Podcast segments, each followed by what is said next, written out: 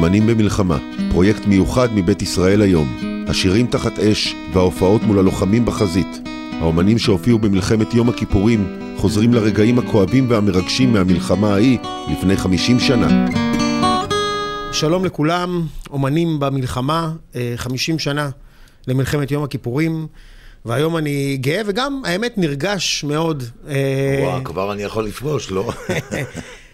לפגוש את אושיק לוי, אחד מנכסי צאן הברזל של התרבות הישראלית.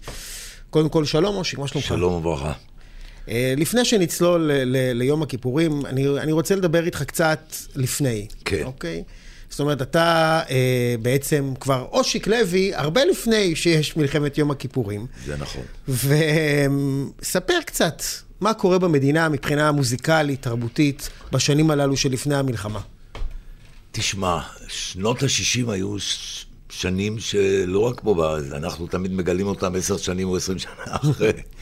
מחכים את מה שקורה בעולם, אבל בהחלט בשנות ה-60 של תל אביב הקטנה, השתחררתי בצבא בינואר 64, ישר הייתי בחמם בהצגה, אחר כך הייתי בלהקת הטיילת, שלישיית התאומים, מחזה מרכז הבלן, זה הכל היה קטן, הכרת את האנשים והדברים קרו, אף אחד לא מבטיח לך שום דבר, אתה צריך לזה, אחר כך נסעתי אחרי מלחמת יום... אחרי מלחמת ששת הימים נסעתי לסיבוב הופעות עם יונתן כרמון שארגן, ארגן להקת, הוא היה הכיאוגרף, יונתן כרמון, אני לא יודע, לפי המבט אני רואה שאתה לא יודע מי... בוודאי שאני יודע מי זה יונתן כרמון, מה? ארגן להקת רקדנים מהקיבוצים והמושבים, רבקה מיכאלי הייתה מנחה, אליס עמוס אמרה, בת דודתנו מירושלים המזרחית, שלמרות שאנחנו בעד שלום. אילן ואילנית, החלונות הגבוהים, ואני הקמתי רביעייה שנקרא רביעיית רביעיית הכרמלים, חנן גולדבלט, לולי קחי, רותי ביקל ומיכל טל. ויצאנו לסיבוב הופעות שלא ידענו מה קורה איתו. מה האווירה בארץ? הרי, הרי אתה יודע, בארץ... יש איזו תחושה של אופוריה, לא? אחרי ששת הימים. אחרי ששת הימים אנחנו נהיינו מאוד... אימפריה. וישראלי הירו, כן? בשישה okay. ימים גמרנו זה אחת מהבעיות שלנו. עד היום. שהתחילה כן. שמה. כן. היוהרה, השחצנות, וזה, כשמגיעים ליום הכיפורים, אז אתה מבין את סדר הגודל של ה... כי מי שהיה בתעלת סואץ וראה את הביצורים האלה, ואת הנפט שידליקו במקרה ויחצו את התעלה, כל זה לא קרה. כל זה לא, לא הצליח להציל את כל ה... אה, מאזרחים שהיו שם, חבר'ה שישבו שם על ה... זאת אומרת שבעצם, גם מבחינה תרבותית הייתה איזו פריחה בארץ. מאוד זאת אומרת גדולה. שהאופוריה הזאת גם באה לידי ביטוי מאוד, בעולם התרבות. מאוד, מאוד, כן. אוקיי. ואז בעצם... דרך אגב, שנות ה-60 היינו יותר צרפתים, תרגמו הרבה שירים מצרפתית, אם אתה זוכר, קהיל הציפורים, כל מיני... נורא מעניין, לאן זה נעלם דרך אגב? סתם בסוגריים אני שואל אותך. כי אחר כך, תראה, ספינות שרבורג, היחסים התקלקלו, אז זה גם השירים... אז התרבות... אבל היא עדיין תרבות מאוד מאוד... גדולה, תרבות צרפתית, והיא גם באירופה היא המדינה שבאמת שומרת על השפה וזה בחוקים שלה. נכון. 50 אחוז מהמוזיקה מוכרחים להיות, מוכרחה להיות מוזיקה צרפתית. אוקיי, ואז למעשה פורצת המלחמה. יום כיפור אתה מדבר. יום כיפור, כן. אוי אוי. ואיפה זה תופס אותך כאמן, כישראלי? אתה בתל אביב. לא, אני כן בתל אביב, בשיכון בבלי גרתי, אני נשוי, יש לי ילדה בת שלוש. שתיים בצהריים מתחיל האזעקות, שאתה לא יודע מה זה, מאיפה זה בא, מה זה אומר, כלום, אתה לא יודע. ובשש בערב אני מקבל טלפון מיאלו, שהיה מפקד חצור חיל האוויר, ובתקופה הטובה והזה הופעתי הרבה בחיל האוויר, והוא מצלצל ואומר לי, אושיק, אתה מוכרח לבוא לפה, זה לא ששת הימים. לא הבנתי על מה הוא מדבר, לא היה לי מושג בכלל. למישהו היה מושג? אף אחד. לאף אחד לא היה מושג. אף אחד לא היה מושג. נכנסתי לאוטו, לקחתי את הנגן שלי ואני נוסע לחצור. אלף חיילים בתוך זה, פנים נפולות, דיכאון נוראי. אתה מתחיל לשמוע סיפורים, מטוסים נופלים, פה הרוגים, פה זה, לא יודעת בדיוק מה. צריך גם לזכור שזה לא עידן של טלפונים שמצלמים לא, ושולחים בוואטסאפ לא, מה קורה. ממש לא, ממש לא, ממש לא. ואני מופיע, והוא אומר לי, אושיק, מחר תבוא גם כן. אמרתי, בטח אני אבוא. תגיד, יש עוד מדינה בעולם שזה אין ככה? כזה דבר, לא, אין. אין. קודם כל, אין מדינה כמונו ואין ישראלים. אתה יכול לזהות אותם בכל מקום באירופה ובחוץ לארץ. אין, אין כזה דבר. אבל אתה יודע, אתה רגע אחד זה משהו אתה... שמחבר אותנו מהילדות, מהצבא. זה אין, אין כזה דבר. ו- זה יפה, ש... זה יפה שאתה, שאתה מסתכל על זה ככה, זאת אומרת, האלמנט הזה של בעצם של אמנים, של, זמ... של זמרים, של פרפורמרים, שפתאום מוצאים את עצמם במלחמה. ואתה אומר, זה הישראליות הזאת שאומרת, ברור שאני אבוא גם מחר. ודאי, ודאי. מה זאת אומרת? ודאי, כמו שהייתי עושה מילואים בצבא ומופיע, ככה גם אני אבוא. כמו שהופעתי לילדים חולים, כמו שהופעתי בבתי חולים, וזה אחרי מלחמה היה עוד יותר. בית לוינשטיין, ותכף אני אספר לך סיפור שם. הכל זה מתחבר יחד, כשאנחנו ביחד, כשיש לנו צרה, וזה היפה אצלנו, נלחמים. אוקיי, אבל בוא נדבר הרגע לטובת המאזינים הצעירים שלנו. מה זה אומר חיילים שמופיעים? אתה אומר, עשיתי את זה בצבא. היום אני אספר להם שנועה קירל תהיה בלהקה צבאית, הם לא יבינו על מה אני מדבר אין מה בכלל. להשוות, אין מה להשוות. מה זה אומר בכלל? אז זהו, אז למחרת, אחרי יום ראשון אני נוסע, עושה את הסיבוב הרגיל שלי. אייבי נתן, קליפוריה במסעדה, אחרי זה יש פינאטי, ואחרי זה אני הולך לכסית, ובפינאטי פתאום אני רואה את ליאונרד כהן. אני אומר, וואלה, מה הוא עושה פה? ואתה ניגש אליו, אה? אני ניגש אליו, הוא יושב עם אורי לוי, שחקן מהקאמרי, ואני אומר, מה? הוא אומר, שמעתי שאתה בצרות, רק בדיעבד נודע לי שהייתה לו איזה בת זוג פה, דיילת מקסימה, רחל, תימניה עם עיניים ירוקות. זה תמיד התימניות עם העיניים הירוקות, אה? שהגיע, הוא היה מגיע אינקגניטו, אינקגניטו לתל אביב, זה הרומן שהיה לו איתה, ולכן הוא היה בארץ, אחרת אמרתי, איך הבן אדם פה, מה הוא עושה פה? ואז שאלתי אותו, מה אתה עושה? הוא אומר, באתי לעזור לכם, אני הולך לעבוד בקיבוצים. אמרתי לו, איזה קיבוצים, איזה עבודה? הוא אומר, אבל אושיק, השירים שלי שקטים וקשים, אמר לי, יהיה בסדר. ואז הגנתי אותו, את מתי כספי, צלצלתי למתי כספי, צלצלתי לפופיק, זיכרונו לברכה, שהיה חברי הטוב. פופיק ארנון. פופיק ארנון, והכנסתי אותם אצלי באוטו, ונסענו עוד פעם לחצור. ומגיעים לחצור. תגיד, מה קורה באוטו? הרי הוא לא מבין לאן נוסעים, נכון? לך זה כבר, לא אתה לו, נולדת לא פה. לא מה אתה אומר לו בדרך? לא, אנחנו נוסעים, אמרתי לו, אלה בסיס לחיילים שצריכים לעודד אותם. הוא ישב שקט, הוא איש מקסים, אדיר. חכה, זה רק הייתה התחלה. עזוב, אבל אני מדמיין אתכם, הרי תל אביב לחצור אז זה לא היום שאתה עושה את זה בשעה וחצי. לא. נוסעים, מלחמה. זה לא סוריאליסטי לגמרי שאתה וליאונרד כהן בדרך להופעה בפני חיילים בזמן מלחמה? בבקשה, זה מה שהיה. והגענו לשם, ואני עולה ושר, ואני מזמין אותו, ואני אומר, חבר'ה, יש לי הפתעה אדירה בשבילכם. אמרתי ליאונרד כהן, כל החבר'ה השתגעו, והוא עולה ומתחיל לשיר, ואז אני אומר למטי, לך תעזור לו קצת, תעשה לו הרמוניות. כי אתה יודע, השירים של ליאונרד זה שלושה, ארבעה אקורדים. ברור. ואז מתי עולה עם הרשות שלו, ואני מסתכל על ליאונרד, אני רואה שהוא מסתכל על מתי, הוא לא יודע מאיפה זה בא לו, ההרמוניות שם. וזהו, עכשיו גמרנו את ההופעה. רוצים עוד הופעה. נשאר. ובין שתי ההופעות האלה הוא כתב את השיר Lover, Lover, Lover, Come back to me. זה השיר שהוא כתב שם. ומשם יצאנו למסע, ירדנו לסיני, לחודש ימים בין שש לשמונה הופעות, בכל מיני מקומות שלא ידענו איפה אנחנו ומה איתנו. אני חייב לשאול אותך, זה הרי, זה באמת, סליחה שאני אומר את זה בצורה כזאת, ישראל אחרת. אני מדמיין היום חיילים, האם הם היו רוצים לפגוש את ליאונרד כהן, כן? היום חיילים, אני מניח שהבחירה המוזיקלית הייתה אחרת, אני... זה לא הייתה להם ברירה, אין בחירה.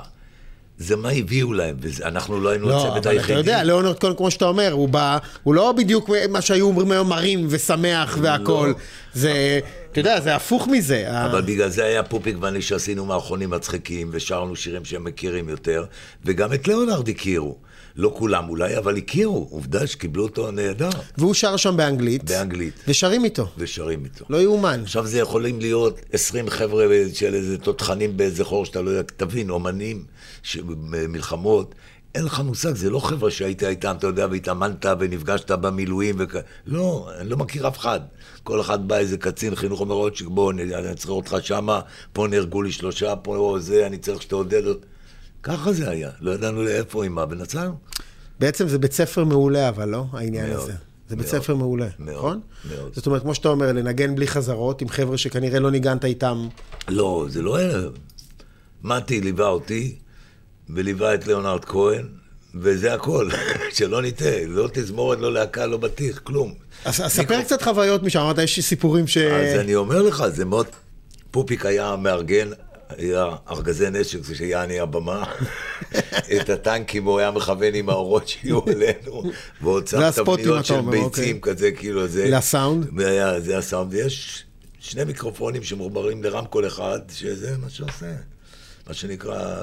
אתה נהנה מזה בזמן אמת? אתה מבין מה אתם עושים? אני זאת מבין אומרת? שאנחנו נמצאים במלחמה איומה ונוראית, ככל שאתה נתקל. ואיך שרים במצב כזה? ואיך מצחיקים במצב כזה? מרתק אוספים את הכוחות ואת הנשמה, כי אתה רואה את החבר'ה האלה, מילא אני, הם, הם, החיילים האלה, שאתה שומע סיפורים שאתה משתגע. חכה, רק הופענו אצל הצנחנים לפני שנכנסו לסואץ, הופענו בבוקר כשהם עולים על המטוס, ואחרי הצהריים היינו בפאיד, מגיעים הרוגים, פצועים וכאלה, ופופיק ואני יושבים ומחכים מה, מה, מה יעשה, וצועקים אלונקה, אין אף כלב, ואני ופופיק רצים, מורידים פצועים לבית, לתוך בית חולים.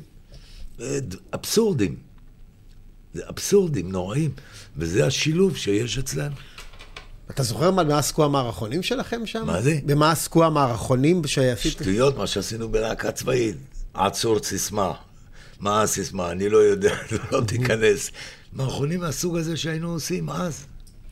זה נורא מרגש מה שאתה מספר, כי בעצם מה שאתה אומר, זה שבתוך הקולקטיביות הישראלית הזאת, אתם חיברתם את ליאונרד כהן. כן. והוא נדבק. מאוד, מאוד נדמה. אני אומר לך, בכל מקום שהגענו, היינו בתותחנים, הוא היה הולך ומראיין את הקצין, מה זה אומר, אולי הוא ילך להיות זה...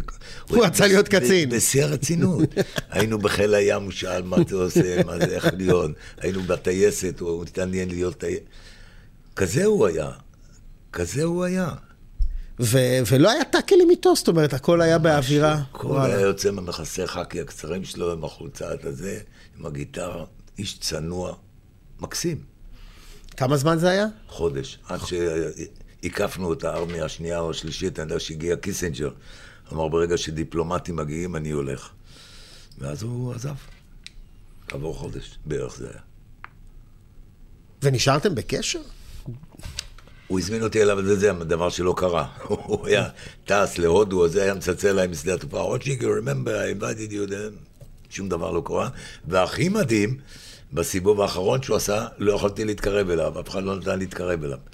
אז פוביק עוד אמר לי, מה, החרא הזה ישנו תחת, תחת, לא רצה לראות אותך? אמרתי, לא, לא נתנו להתקרב אליו.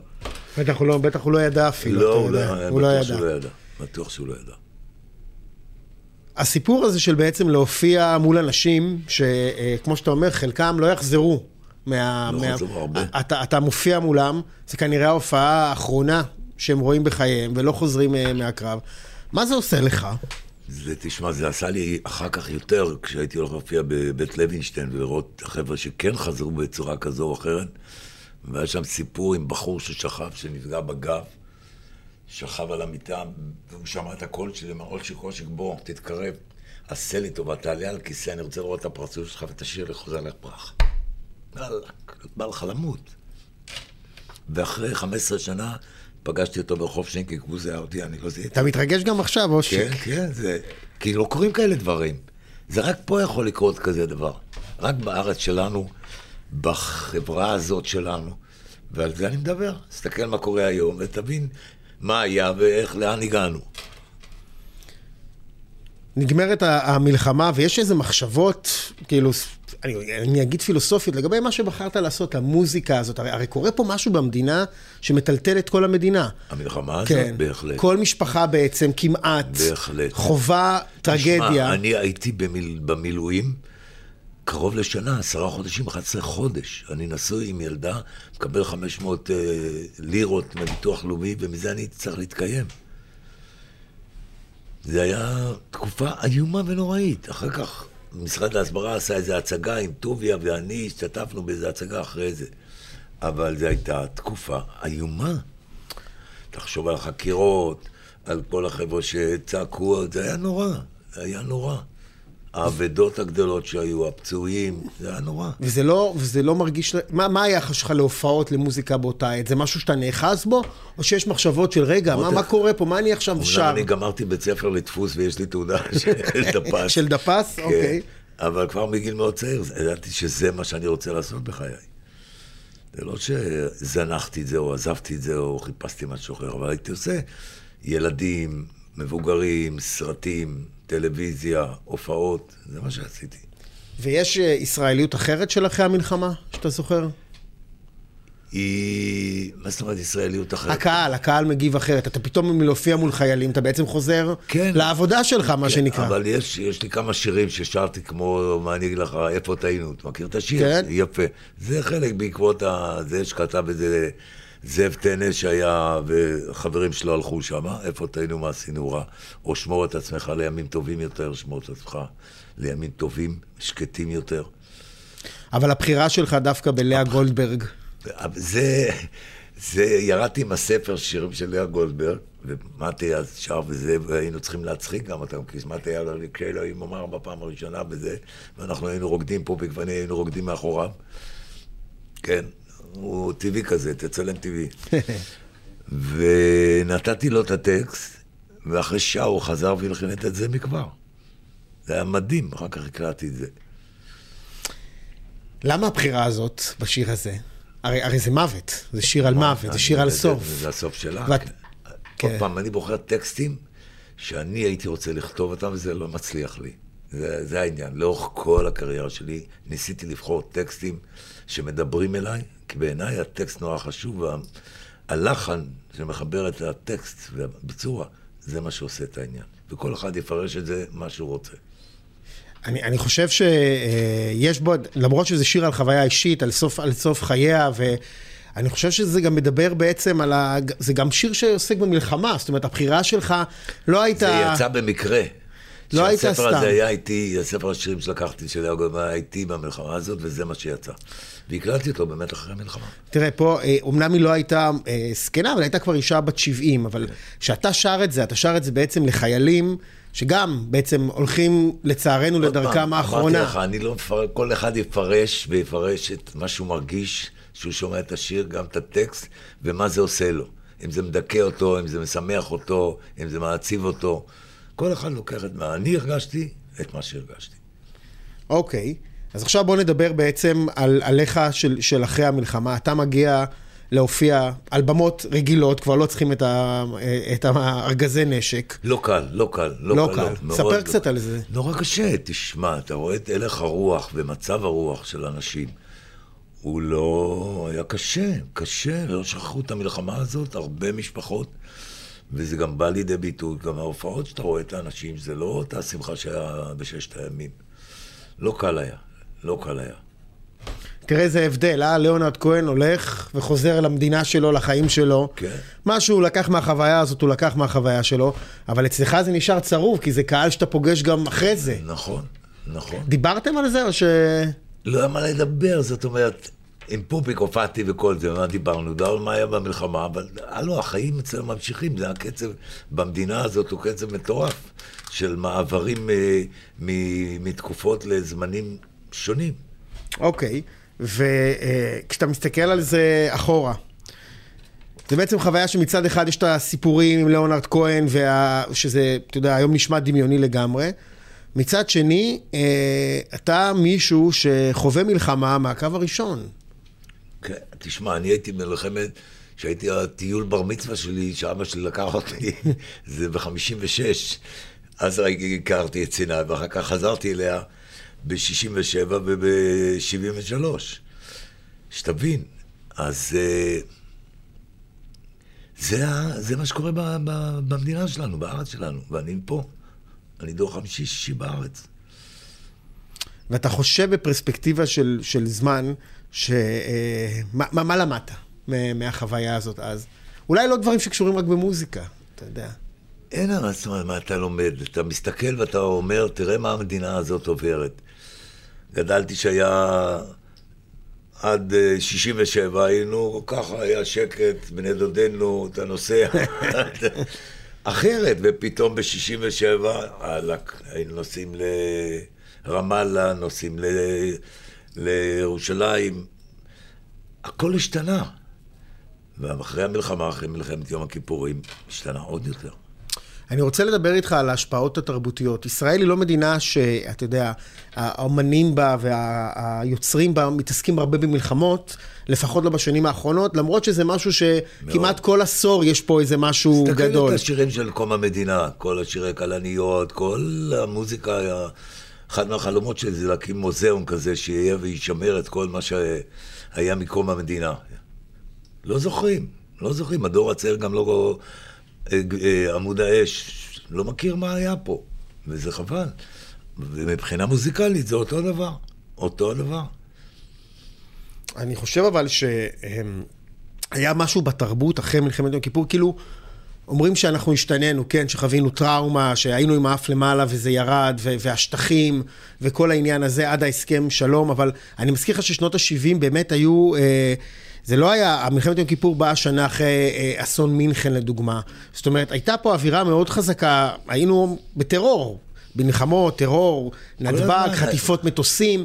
ואני שואל אם עליך בתור יוצר, בתור אמן, יש משהו שמשפיע על מה שקורה, או שאני אומר, אני, אני עוסק במוזיקה, אני עוסק לא, בדברים לא, שהם... לא, אתה לא יכול להיות רק לעסוק בזה. אני, אני שר על אהבה, אני לא, שר על עליה ועליו. אני שר גם על אהבה, גם עליה, ונתתי לך כמה דוגמאות. איפה טעינו, טוב לחיות.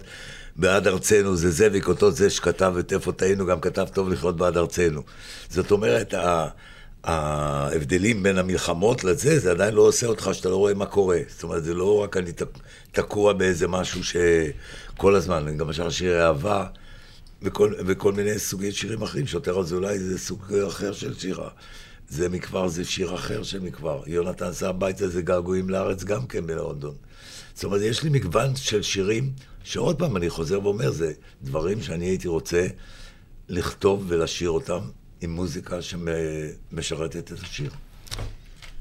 כשנפגשתם אחרי המלחמה, כי בעצם כולם הופיעו, נכון? כולם כן. ירדו להופיע. כן. מה... לא דיברתם על זה, או שזה היה משהו שמדברים עליו פתוח? כי אתה מתאר את זה כפצע. זאת אומרת, לא, זה פצע שאתה נושא איתך. היינו פוגשים אותם, והיית פוגש אה, חבורה אחרת, אורי זוהר ואריק אלשטיין וזה. אה, כל מיני חבר'ה שאתה פוגש אותם שמופיעים, אילן ואילנית, אריק לביא, כל מיני, מי שהיה. ספר חוויה אחת מוזרה. עזוב, ליאונרד כהן זה הכי גדול שיש, אבל תן, תן סיפור אחד שקרה לך איתו, בלעדיו, במלחמה. אז אני אומר לך, הסיפור הזה של הבית חולים בפאיד, זה שהופענו לצנחנים שחזרו, חלקם לא חזרו בכלל. אה, הופענו, פתאום הגיע איזה קומנדקר, אומר לי, אושיק, אתה מוכרח לבוא, אני אומר לו, לאן אתה לוקח אותי? בוא, בוא, בוא, נהרגו לי שם כמה חבר'ה, זה, זה, אתה לא יודע כלום, אתה עולה על הג'יפ, אני ופופיק עולים. נוסעים בחושר, אין לך מושג איפה אתה בכלל, ואתה מגיע לאיזה שמונה חבר'ה עם התותחים האדירים האלה. הוא אומר, פה נהרגו לי זה, או שתן לזה, אני מתחיל לשיר וזה, הוא אומר, תעצור, תעצור, יש תבודום. זה כל כך אבסורד. אבסורד. הזוי. ואז אתה ממשיך רגיל, כאילו. ואז אני ממשיך את השיר הלאה, אתה מבין? זה דברים הזויים, איפה יש כזה דבר? ותגיד, אתה חוזר הביתה באמת לאשתך ולילדה קטנה, מה, מה מספרים? זאת אומרת, איך אה, מסבירים, מאיפה מתחילים? לא יוצאים לך מילים מהבטח. זה פשוט, זה סיפורים שלא נגמרים בחזיונות שאתה לא, לא, לא מעלה על דעתך שיכולים לקרות. אני חושב שאתה מדבר המון על הייחודיות הזאת של הישראליות, אני חושב שמה שמייחד זה באמת היכולת הזאת לעשות את הסוויץ'. אתה חוזר, וטוב, צריך, צריך לחזור לפרנס את המשפחה ולצאת להופיע, והחיים כן. ממשיכים. ואין מה לעשות. ככה אנחנו, זה. זאת המדינה שלנו, זה ההרגלים שיש לנו פה. הלו, ממשבר למשבר, עוברים, מנסים לשפר עמדות וממשיכים הלאה. מה... במיוחד מי שמתעסק במוזיקה ו... אבל, אבל נדמה שדווקא בגלל שלכם הייתה השפעה מאוד גדולה, בגלל שהייתם מפורסמים ומדינה יותר קטנה, וזיהו אתכם ברחוב איפה שלא הלכתם, לא הרגשתם איזה צורך, אה, אתה, אני שואל אותך, לא רוצה לדבר ברבים, להעביר לאנשים מה, מה שעיניך ראו. זאת אומרת, כמה מלחמה זה דבר נורא ו... לא, לא היית צריך להגיד, כולם ידעו שהמלחמה הזאת הייתה. 2,700 הרוגים, אם אני לא טועה, משהו כזה, ואיזה 7,000 פצועים. אין משפחה שלא נגע נכון. בצורה כזו או אחרת. אתה לא צריך להסביר. אני אומר לך, עד היום אומרים, בוא, אתה זוכר שהיית באגם קרון וזה, וכזה, מה לא? עשיתי לך קפה ליד התעלה. הלו, עברו 50 שנה, ואתה חושב שמישהו, אני יכול לזכור כל מי שנתקלתי בו? לא, ודאי שלא. אבל זה נגע בכל אחד ואחד כמעט, שאתה לא הייתי צריך... וזה שינה? זה שינה את היצירה שלך לדעתך? לא, בפרספקטיבה לא, של לא, זמן? לא, עובדה שעשיתי אחר כך גם דיסק ילדים, ועשיתי תקליט של המשפחה שלי, שירי לדינו בקצה ילדות, שירים שגדלתי עליהם בבית. עשיתי כל מיני דברים אחרים. אוקיי, אני אשאל אותך שאלה, אתה יודע, גדולה, כאילו, מה, מה השתנה בישראליות אחרי המלחמה? אחרי מלחמת יום כיפור? כן. קלטו פתאום את העניין הזה של היוהרה והשחצנות, שלא, זה לא הצליח כל כך הסיפור הזה, שצריך להיות יותר קשובים. בגלל זה היה אחר כך ניסיונות אוסלו, ו... וכל מיני ניסיונות להגיע לאיזושהי פשרה, או להגיע לשלום, מילה שלא מדברים עליה כבר. זה, זה מה שזה עשה. עובדה היא שניסים מצרים הגיע אחר כך לפה. אמ, אני רוצה לדבר עכשיו אה, קצת עליך באופן כללי. כן, בבקשה, מה אתה רוצה לשאול? עזוב מלחמות.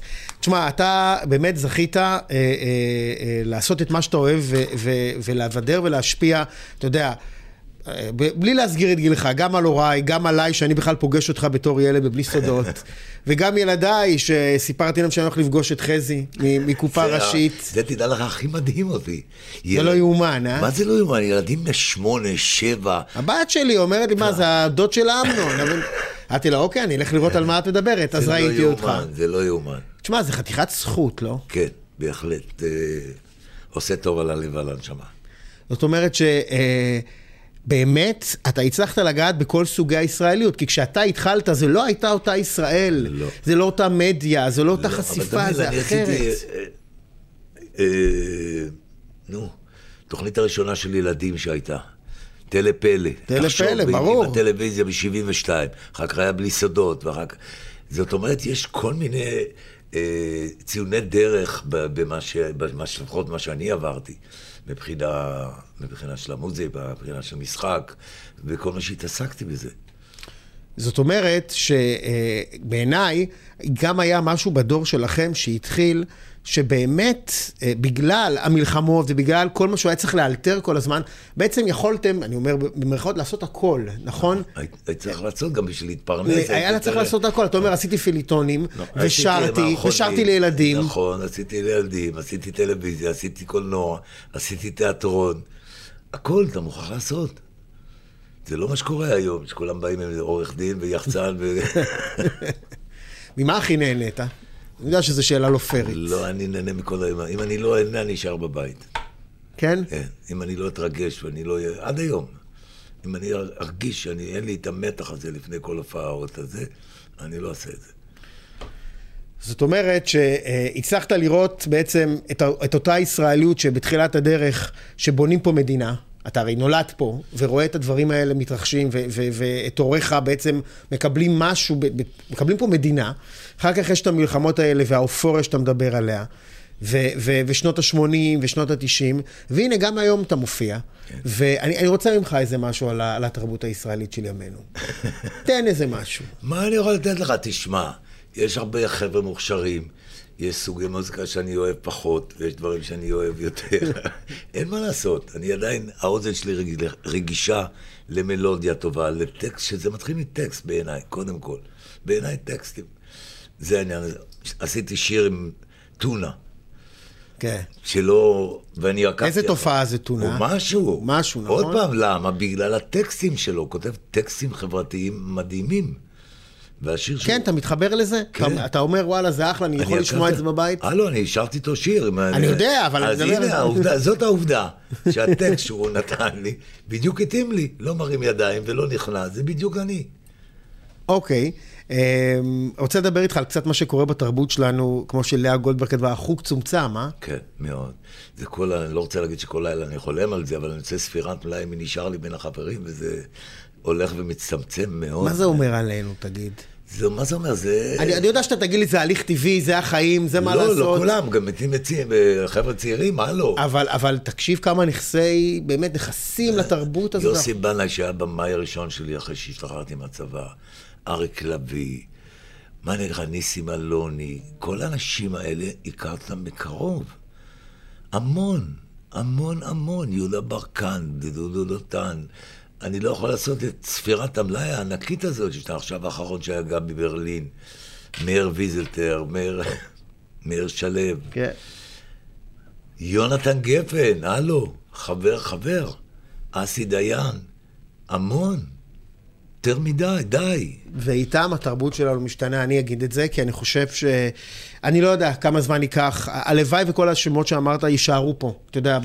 היצירות שלהם יישארו. צריכים להישאר, בגלל זה אני אומר שבצרפת, בצרפת וארצות הברית יש כבוד לאומנים ולתרבות ולזה. אצלנו קצת פחות. אני חושב, דווקא פה אני רוצה לחלוק עליך. אני חושב שלמשל, החבר'ה של קופה ראשית, שהרי גדלו עליך, ואמרו, היה להם חלום לשתף איתך פעולה. מה יותר כבוד מזה? לא אתה מה- גרמת להם ללכת לעשות טלוויזיה, ללכת לכתוב לא, אני לא תסריט. גרמתי, כל אחד בא מהמקום של היחידי שהכרתי שבאתי לשם זה היה דורל נבול, שהכרתי אותו את זה. אבל זה בסדר. ברור אני- שלא תכיר, אני- הם גדלו עליך, הם היו ילדים שאתה הופעת. אני מדבר על, על המדינה, על ההתייחסות של המדינה לאומנים, לתרבות, על זה אני מדבר, לא על אומן כזה או אחר. אבל אני חושב שזה יותר קשור לאנשים, אה? שמקדשים את החדש, ורוצים חדש. לא, אז יש את הדור אחר של טיק טוק, תראה, הטכנולוגיה וכל זה, עוד מעט אתה לא צריך לשיר בכלל, תחצו על הכפתורים. ברור. תסתכל את זהו, זה איך הם שרים, ברור. פשוט מדהים. כן? מדהים. אז הטכנולוגיה שהתקדמה עדיין לא עושה את העניין להיות, אה, מה אני אגיד לך, להיות בן אדם קודם כל. מעניין לדעת, אתה יודע, שאתה ציינת פה את השיתוף פעולה שלך עם טונה, אני לפעמים חושב על האומנים הצעירים, דיברנו על זה בתחילת השיחה בינינו, אם הם היו חלילה צריכים ללכת להופיע בפני חיילים, איך זה היה נראה, כן? אתה יודע, הם, הם, הם הרבה יותר, תראה, אתם הייתם דור שאהב את המדינה. לא היה הרבה פעמים ביקורתי כי הוא העריך את מה שיש. היום, בגלל שזה אנשים שכבר נולדו לשפע, הם מרשים לעצמם להיות יותר ביקורתיים. אני חושב, אם הם היו הולכים להופיע בפני צה"ל, פתאום היו אומרים להם, אל תילחמו. תסתכל, אני לא רוצה לקלקל, אבל תסתכל איך הם מופיעים, ותראה, הם לובשים מדים והולכים לעשות זה, והם מוותרים להוא. איפה, מי ויתר, מה ויתר, הלו. אושיק, אז מה, מה מעשיך? מה התוכניות? בטוח או, שיש עוד תוכניות. תמיד יש תוכנית, כל הזמן. עשייה, דיברת על דור צעיר, אז זהו, שולחים לי המון חבר'ה צעירים שאני לא מכיר ולא יודע והם מסקרנים אותי. ואני הולך להקליט כמה דברים של... איזה יופי. כן, עם חבר'ה צעירים ששולחים לי כל מיני דברים. ויש כל מיני דיבורים על כל מיני הצעות כאלה. זה משמח מאוד, כי אני, אני מרגיש שיש לך עוד הרבה מה לתת. אתה נראה נפלא. בהחלט, תודה רבה אתה, לך, אני יכול- אה, אני יכול לפרוש. ואומנם נפגשנו פה כדי לדבר על, על, על מאורע שהתרחש לפני 50 שנה, ואני חושב שההשפעות שלו על כל דבר בחברה הישראלית. עדיין קיימות. נכון, זאת אומרת. נכון שעוד 10 שנים, 15 שנה, מה לעשות? כבר זה יהיה אחרת, והילדים יגדלו למציאות אחרת, אבל אני חושב שהעניין של התרבות במלחמה, היה לה אימפקט אדיר. אין את אדיר. זה, אין את זה באיזה מדינות היה, אין כזה דבר. מה שאנחנו עברנו פה ב-75 שנותינו, אין כאלה, אין הרבה מדינות שעברו כאלה דברים. אין. אושיק לוי, נר... אני ממש מתרגש, תודה רבה, היה לי כיף תודה איתך. רבה לך, גם לי איתך. אה, אומנים במלחמה, תודה רבה לדניאל שפע וליריב פלג שהפיקו את הפודקאסט הזה, אה, וניפגש בשמחות. רק בשמחות, ושנהיה בריאים. אומנים במלחמה, פרויקט מיוחד מבית ישראל היום. השירים תחת אש וההופעות מול הלוחמים בחזית. האומנים שהופיעו במלחמת יום הכיפורים חוזרים לרגעים הכואבים והמרגשים מהמלחמה ההיא לפני 50 שנה.